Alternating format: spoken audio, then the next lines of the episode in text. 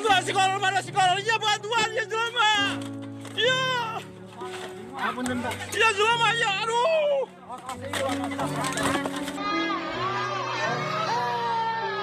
Kalah kalah. Aduh. bintang ke.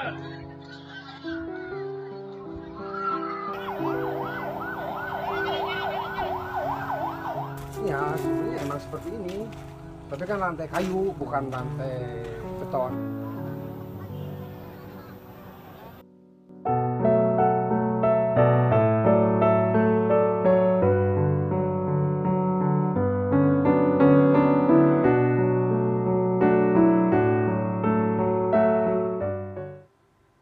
Anda kembali bersama Prime News. Gempa magnitudo 5,6 yang mengguncang Kabupaten Cianjur tidak hanya menyisakan duka bagi para korban, tetapi juga meninggalkan banyak cerita, khususnya bagi tim peliputan yang berada di lokasi bencana. Dan di studio saat ini sudah hadir rekan saya Alfian Raharjo, anchor CNN Indonesia yang sejak satu hari pasca gempa berangkat ke Cianjur untuk melihat kondisi di sana dan melaporkannya pada kita semua. Selamat malam Alfian. Selamat malam Taufik. Sehat? Alhamdulillah sehat. Biasanya Anda yang juga menyampaikan berita di studio, tapi pada saat satu hari pasca gempa Anda langsung berangkat ke lokasi. Betul. Sebelum uh, menggali cerita uh, bagaimana di balik liputan uh, bencana gempa di Cianjur, saya ingin tahu dulu pertama, Anda turun dari mobil liputan, mm -hmm.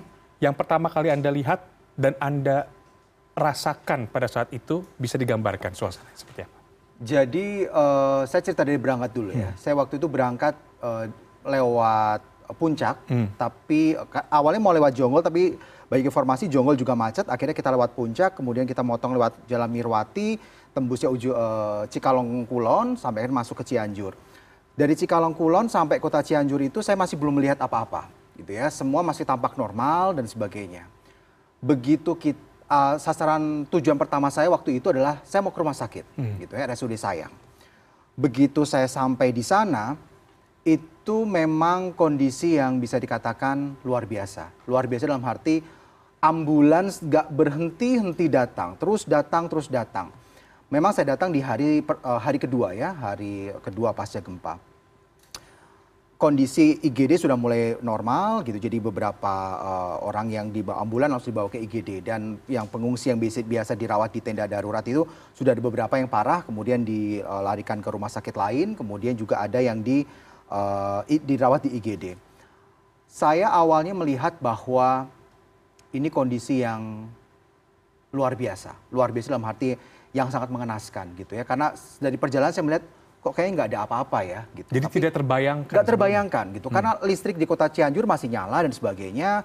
Baru kemudian saya masuk rumah sakit, baru saya benar-benar melihat kondisi real saat itu bahwa bayangan saya bahwa tidak ada apa-apa itu buyar semua gitu. Semua dalam kondisi yang dalam tenda darurat, dirawat dengan di tempat tidur seperti itu, dirawat dalam tenda yang tidak ada tutupnya. Sementara kota Cianjur kan agak dingin ya. Hmm. Saya saya aja memakai jaket saya bisa merasakan dinginnya gitu. Hmm. Saya bisa merasakan orang-orang yang tidur dalam ruang perawatan di tenda darurat kemudian diterpa dingin dan saat itu juga mau turun hujan gerimis. Itu yang membuat saya akhirnya oke okay, ini bencana yang luar biasa meskipun saya baru mendengar informasi ya baru sudah puluhan orang ya, belum ratusan orang seperti hari ini dilaporkan.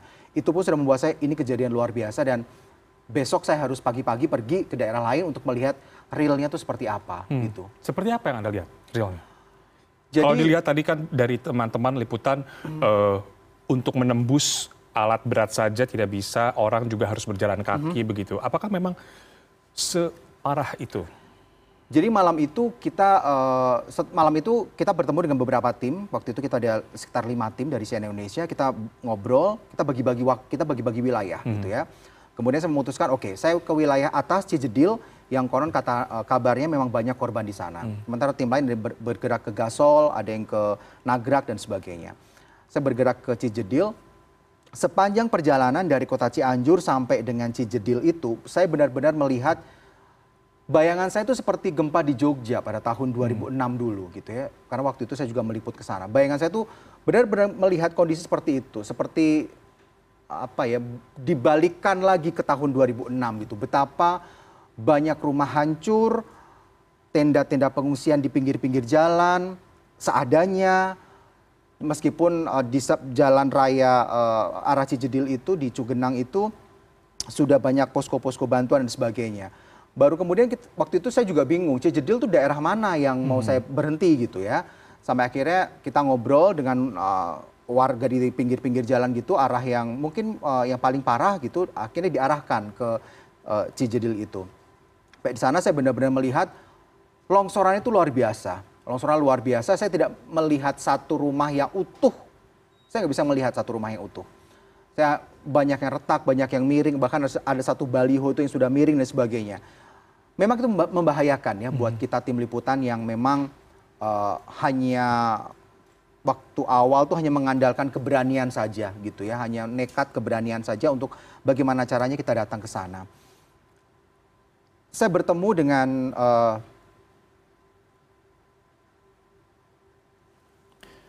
salah satu korban yang suami, kemudian anak, dan juga orang tuanya belum diketemukan.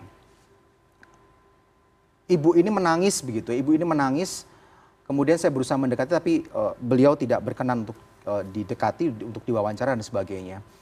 Dari situ saya benar-benar melihat bahwa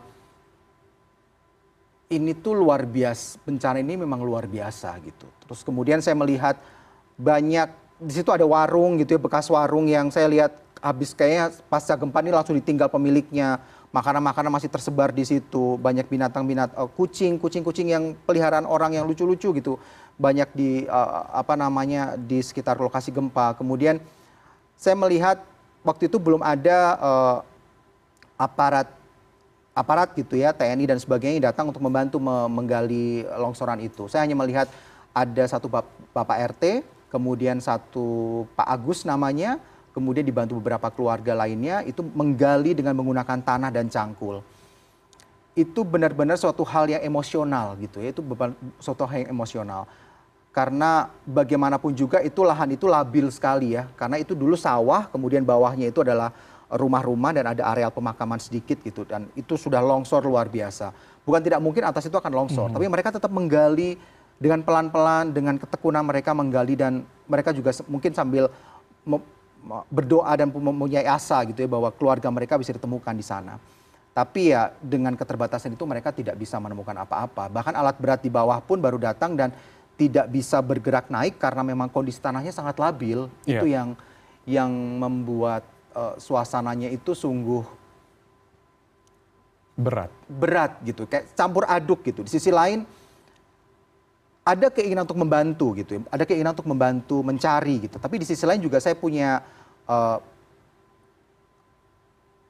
saya punya apa namanya bahwa Tanggung jawab tanggung untuk jawab Iya. gitu ya, tanggung jawab untuk bahwa saya harus meliput dan sebagainya. Saya hanya bisa membantu eh, bahwa memberikan eh, kepada eh, orang yang sedang mencari keluarga itu bahwa oke eh, saya akan membantu semaksimal semaksimal mungkin dengan berita dengan laporan eh, laporan langsung dari sana dan sebagainya. Itu yang bisa yang bisa saya lakukan sih pada waktu itu. support ya. Support. Tapi saya juga memang tidak bisa membayangkan kita saja orang dari luar melihat kondisi pasca gempa dengan korban eh, rumah banyak yang rusak itu sangat luar biasa apalagi yang dirasakan oleh korban. Saya juga sempat melihat Anda ketika melaporkan Alfian eh, emosional seperti saat ini eh, terutama ketika berada di tenda pengungsian di RSUD Sayang. Ketika Anda melaporkan, pada saat itu ada suara anak kecil menangis, kemudian Anda juga mempertanyakan eh, mana ini bantuan. Sampai sekarang belum juga terdistribusikan. Apakah memang pada saat Anda sampai tiba di sana hingga beberapa hari ke depannya itu tidak ada bantuan sama sekali atau belum ada bantuan yang datang? Jadi ban pada waktu itu hari masih masih eh, hari kedua setelah saya datang, saya menuju ke Gasol itu, kemudian saya melihat memang bantuan itu ada tapi hanya dari orang per orang atau dari organisasi-organisasi tertentu gitu ya. Jadi ada keluarga dan sebagainya datang ke sana dan pada kenyataannya justru itulah yang membuat jalan akses jalan menuju ke daerah itu macetnya Macet. luar biasa. Entah berangkat maupun pulang. Dan saya melihat memang bantuan itu sangat minim ya, sangat minim sekali. Bahkan ketika di wa- waktu eh, acara Prime News beberapa waktu lalu gitu, saya bisa melihat gitu ya, ada satu bungkus nasi gitu di hadapan narasumber itu yang kondisinya benar-benar sudah dingin gitu. Saya yakin gitu bahwa nasi itu dimasak dari siang dan baru akan dimakan di malam hari itu juga sekitar jam 8 atau jam 7 malam. Dan narasumber bilang bahwa mungkin nasi ini juga akan saya makan buat besok pagi karena dalam satu hari itu belum tentu dia makan dapat tiga kali. Karena memang saya lihat belum ada dapur umum. Belum ada dapur umum, sementara beberapa uh, pihak masih membangun tenda-tenda darurat gitu ya untuk mempersiapkan dapur umum dan sebagainya. Tapi bagaimanapun juga kan memang harus bertindak cepat ya untuk mengatasi itu. Dan saya masih belum tahu lagi untuk daerah Gasol ke atas karena memang aksesnya luar biasa macet sekali. Banyak orang datang bahkan sepeda motor pun ketika naik dan turun banyak yang terpeleset jatuh karena memang kondisinya itu jalannya licin, habis hujan dan sebagainya. Kemudian tenda itu berdiri di atas eh, sebuah lapangan gitu ya, sebuah lapangan kecil gitu di depan salah satu pondok pesantren. Dan itu namanya tanah itu kalau di atas dialasi dengan terpal itu dinginnya luar biasa gitu. Saya yang pakai kaos kaki agak tebal saja, saya bisa merasakan gitu. Kaki saya tuh dingin sekali. Bagaimana orang-orang ini yang harus tidur dengan beralaskan terpal, kemudian dengan tikar tipis harus tidur di atasnya Dan berbagi dengan dan berbagi dengan yang lainnya. Penerangan pun nggak ada. Ada cerita soal penerangan. Jadi setelah kita live dari sana, kan kita menggunakan lampu itu ya. Kemudian warga di dalam tenda itu minta, "Eh, Pak boleh nggak lampunya ditinggal satu? Boleh nggak lampunya ditinggal satu? Kemudian saya bilang bahwa bisa ini kita tinggal, tapi daya baterai lampu ini juga tidak akan lama. Paling hanya satu jam atau satu setengah jam. Kemudian mereka kalau boleh ditinggal pak nggak apa-apa sampai lampu, sampai baterainya ini habis. Akhirnya memang karena memang mereka hanya mengandalkan lampu darurat yang mereka charge di kota Cianjur kemudian dibawa dan itu juga nggak bertahan lama. Saya waktu saya live di sana hanya bisa bertahan tiga dari empat lampu yang ada. Di saat sudah satu setengah jam lampu lampu dari yang kita bawa itu sudah mulai meredup meredup meredup mau tidak mau akhirnya kita ambil. Kemudian mereka mengatakan, ya Pak, kok diambil lampunya? Dari situ tuh saya merasa bahwa harusnya saya bisa bisa berbuat banyak gitu. Maaf. Harusnya saya bisa berbuat banyak untuk mereka gitu. Tapi kenyataannya memang akses listrik di daerah itu memang belum masuk gitu. Di bawah kawasan itu sudah sudah bisa, tapi untuk kawasan ini listriknya masih belum ada gitu. Dan inilah yang membuat saya tuh penderitaan warga yang ada di sini ini luar biasa sekali penderitaan mereka itu harus melawan dingin kemudian harus tanpa listrik dan sanitasi juga sangat terbatas air bersih juga sangat terbatas saya melihat uh, mereka itu wud- uh, apa ambil air wudhu itu dari kolam ikan benar-benar kolam ikan yang kalau dilihat memang tidak begitu bersih airnya gitu. Mereka harus wudhu dari situ dan bergantian gitu mereka wudhu di situ. Jadi saya merasakan memang ya penderitaan mereka ini luar biasa gitu. Hmm, hmm. Nah, itu mungkin jadi salah satu catatan kekurangan dari penanganan pasca gempa di hari-hari pertama. Ada lagi catatan lain yang Anda pantau selama liputan di sana eh, selain distribusi bantuan. Apakah eh, pendirian tenda di beberapa tempat, kemudian korban yang luka di rumah sakit itu bagaimana, Alfian? Kalau korban kalau korban luka memang ada beberapa daerah-daerah terpencil yang karena aksesnya susah ditembus, akhirnya mereka harus dirawat sementara di tenda-tenda pengungsian. Tapi di hari keempat itu mereka sudah ada yang bisa diturunkan gitu, karena memang eh, tenaga medis. Waktu saya ngobrol dengan salah satu eh, saya ngobrol dengan ketua umum ID gitu, Dr. Adib, mereka dia mengatakan bahwa kita hari ini akan bergerak ke sana mas ke titik ini dengan menggunakan motor trail gitu. Kita akan membantu pengobatan dan sebagainya. Nanti kan kita bawa turun dan sebagainya. Itu bagi yang sakit. Kalau bagi yang eh, tenda memang jarang. Gini kalau kita ngomongin soal tenda jarang ada warga yang ma- memang jarang ada yang mereka mau dikumpulkan dalam satu lokasi begitu ya. Saya ada satu juga ten- eh, tenda yang dipusatkan di Stadion Perawata Sari gitu. Itu ma- masyarakat dari berbagai daerah kemudian dikumpulkan di situ. Tapi memang masalahnya tidak mau tidak semua warga mau dipindahkan atau dipusatkan dalam suatu tenda pengungsian. Mereka hanya mau di sekitar tempat tinggal mereka. Mungkin itu menjadi yang menjadi masalah sih sehingga memang diperlukan tenda-tenda lain. Dan untuk mendirikan tenda itu kan juga tidak mudah ya. Karena bagaimanapun juga tenaga eh, orang yang akan mendirikan tenda harus melihat bagaimana konstruksi tanahnya, bagaimana kemiringannya, bagaimana segala sesuatunya agar jangan sampai karena gempa susulan itu masih saja terus terjadi gitu. Sehari sebelum saya pulang itu gempanya luar biasa sampai magnitudonya itu 4,2 kalau nggak salah. Di tempat saya menginap itu luar biasa kenceng dan ya itu kalau di- kita bangun tenda di tempat yang salah takutnya malah tendanya bermasalah dan akhirnya menge- membahayakan orang-orang yang tinggal di situ begitu. Hmm. Selama Anda eh, liputan di sana, Alfian, kan eh, bahkan dari beberapa catatan eh, BNPB pun hampir eh, sebagian banyak, eh sebagian besar korban ini adalah anak-anak. Anda melihat di sana bagaimana eh, kondisi anak-anak?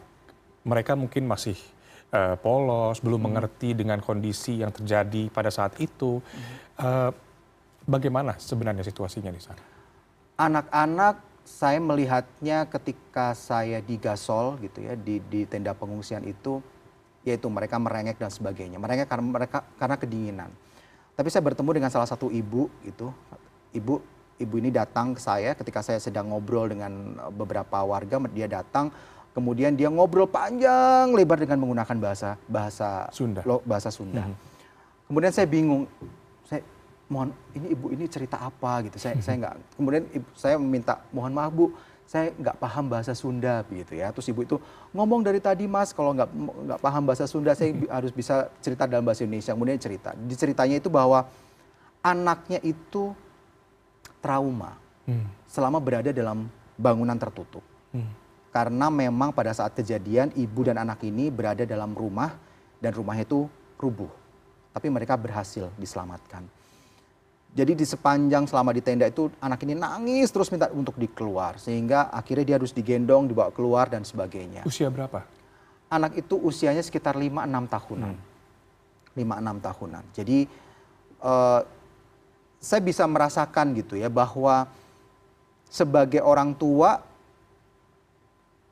pasti mereka juga bingung gitu bagaimana mengatasi trauma pada anak-anak ini. Meskipun ada beberapa eh, lokasi pengungsian mengusahakan trauma healing trauma healing tapi kan tidak semudah itu menghilangkan trauma pada anak-anak ya.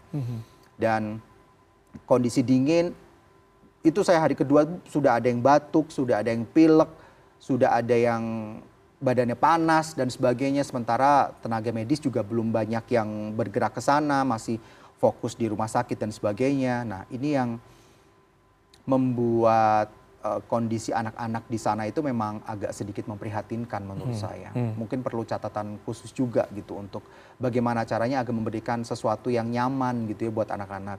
Karena dengan kenyamanan yang didapatkan oleh anak-anak itu mau tidak mau akan menghilangkan sedikit demi sedikit trauma yang ada pada mereka. Ya, kita juga kan sempat lihat di beberapa dan ramai juga di beberapa media sosial ketika ada eh, bantuan yang ingin didistribusikan ke beberapa daerah tertentu, ada warga yang mencegat karena mungkin memang kondisinya mereka sangat membutuhkan pada saat itu. Apakah memang seperti itu? Ada juga warga atau yang meminta bantuan langsung eh, pada tim liputan di sana, eh, entah itu makanan atau obat-obatan begitu ada? kalau yang mencegat di selama perjalanan itu memang ada gitu ya. Saya yakin nggak ada manusia yang nggak ada manusia yang mau lapar. Semua manusia pasti pinginnya isi perut tuh kenyang, nggak ada yang mau lapar. Sehingga menurut saya itu hal-hal yang manusiawi gitu ya ketika mereka mencoba untuk mencegat bantuan dan sebagainya. Tapi bagaimanapun juga kalau mereka mau berbagi begitu pasti mereka juga tidak akan tamak gitu ya untuk merebut segala sesuatunya. Pasti mereka akan membagi-bagikan buat yang lain juga. Kalau kepada tim liputan mereka kalau kepada saya dan tim liputan yang lain secara spesifik mereka tidak minta bahwa saya saya minta ini, saya minta ini, saya minta ini enggak. Justru mereka mengatakan bahwa tolong ini diberitakan, tolong ini disampaikan kepada orang-orang yang mungkin punya wewenang untuk ber- untuk membagikan bantuan, untuk membagikan logistik dan sebagainya bahwa kita itu butuh ini loh, gitu. Kita butuh makan, kita butuh tenda darurat, kita butuh pakaian dalam. Karena ya rumah mereka hancur, ambruk, nggak ada sesuatu yang bisa diselamatkan lagi gitu. Mungkin kalau rumah mereka hanya retak-retak dan sebagainya, masih bisa lah ngambil baju-baju di dalam rumah. Tapi kalau rumah mereka sudah rata dengan tanah, bagaimana bisa ngambil baju-bajunya gitu, udah ketutup tembok dan sebagainya, perlu ekstra keras lagi gitu. Jadi mereka nggak nggak nggak ada yang minta, Mas tolong dong bagi baju, bagi makanan nggak ada. Mereka justru, Mas tolong ini disampaikan kepada orang-orang yang berwenang, bahwa kita di daerah ini kita butuh bantuan eh, apa namanya popok buat bayi, kemudian butuh pakaian dalam, butuh pembalut dan sebagainya. Karena memang di tempat saya melaporkan itu di Gasol itu arah ke arah ke kota tuh agak lumayan jauh gitu dan nggak ada warung yang buka juga gitu. Jadi ya bingung juga kalau mereka harus ke Cianjur beli popok balik lagi dan sebagainya gitu dan saya yakin juga tidak ada uang yang mungkin bisa mereka selamatkan dari rumah mereka juga gitu. Itu juga yang sempat eh, Anda terlihat emosional ketika meminta anggota dewan, pejabat daerah, tokoh tokoh politik yang hanya bersuara di media sosial atau itu untuk langsung memberikan bantuan. Pada saat itu belum ada juga. Pada waktu itu saya, saya melihatnya belum ada ya. Saya waktu itu melihatnya belum ada. Justru ada orang per orang gitu. Memang saat itu saya agak sedikit apa namanya seharusnya saya sebagai jurnalis saya harus bisa memposisikan diri berada dalam suatu hal yang netral. Tapi mungkin karena pada waktu itu saya cukup emosional dalam menyampaikan eh, Mas karena saya melihat penderitaan orang-orang ini luar biasa gitu. Saya cukup emosional gitu bahwa seharusnya orang-orang yang selama ini di mereka itu diandalkan untuk meraup berbagai macam suara agar orang-orang ini duduk di kursi dewan dan sebagainya sebagainya. Mau tidak mau harusnya mereka juga ber- bergerak cepat gitu untuk membantu minimal membantu dengan cepat deh gitu. Hanya hanya sekedar datang menyapa mereka dan sebagainya mungkin itu adalah suatu hal yang sudah cukup kalau menurut saya gitu. Jangan hanya mereka datang di awal-awal dulu. Yaitu tadi bahwa ini adalah suatu hal yang emosional buat saya pada waktu itu gitu. Sehingga saya cukup mengatakan ini meskipun pada akhirnya saya cukup menyesal juga mengatakan ini mengatakan dalam arti bahwa ini sepertinya eh, agak sedikit melenceng dari etika jurnalistik yang sudah saya pahami gitu ya bahwa membawa opini yang sudah saya eh, opini saya ini ke dalam sebuah layar Tapi televisi. terbawa gitu. suasana di sana Mungkin saat terbawa itu. suasana, iya. Ya. Eh, eh, terakhir, kita kan sempat bertemu hari eh, Jumat ya ketika Anda sudah kembali ke Jakarta Mhm, di lift. Saya ingat pertama kali yang Anda ucapkan adalah akhirnya saya bisa tidur dan istirahat dengan tenang. Memang pada saat di sana sama sekali Anda tidak bisa beristirahat dengan tenang. Karena getaran gempa, Gempa susulan. susulan itu sehari itu bisa beberapa kali. Hmm. Sehari itu bisa beberapa kali. Saya liput saya liputan di daerah Cijedil itu lima menit sebelum live report. Di, di dalam tanah di antara lereng tanah longsor itu sedang siap-siap akan live report kemudian di bawah kaki saya itu seperti ada dentuman. Dem gitu. Sehingga uh, badan ini seperti diangkat gitu. Kemudian kita panik melihat oke tanahnya aman tanahnya aman dan sebagainya. Oke kita lanjut live report. Kalau di setiap malam ya itu getaran-getaran itu selalu ada gitu. Terakhir tuh di hari Jumat dini hari jam sekitar setengah dua ya. Itu paling kencang getaran yang pernah saya rasakan. Seperti saya tuh lagi tidur, terus kemudian saya dibangunin oleh kameramen saya. Seperti seperti itu. Pada saya lihat kameramen saya masih tidur gitu. Sementara orang di luar tuh pada teriak-teriak gempa, gempa, gempa, gempa dan sebagainya. Jadi itu hampir setiap malam terjadi gitu. Nah, ketika hari Jumat malam saya pulang, Jumat malam itu antara nyenyak dan tidak nyenyak gitu ya, bahwa kadang-kadang seperti masih ada kaget gitu terbangun. Oh, gempa. Oh enggak, saya udah di Jakarta sebagai itu. Tadi saya menggerakkan kaki aja, Alfian kaget.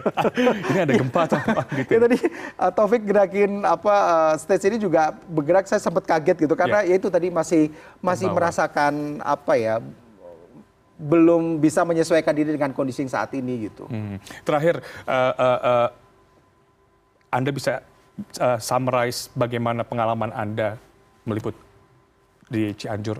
Oke.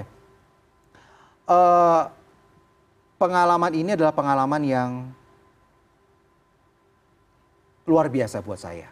Pengalaman yang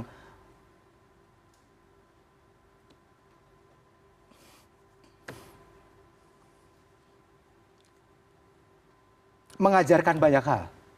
Mengajarkan banyak hal terutama dalam hidup ya.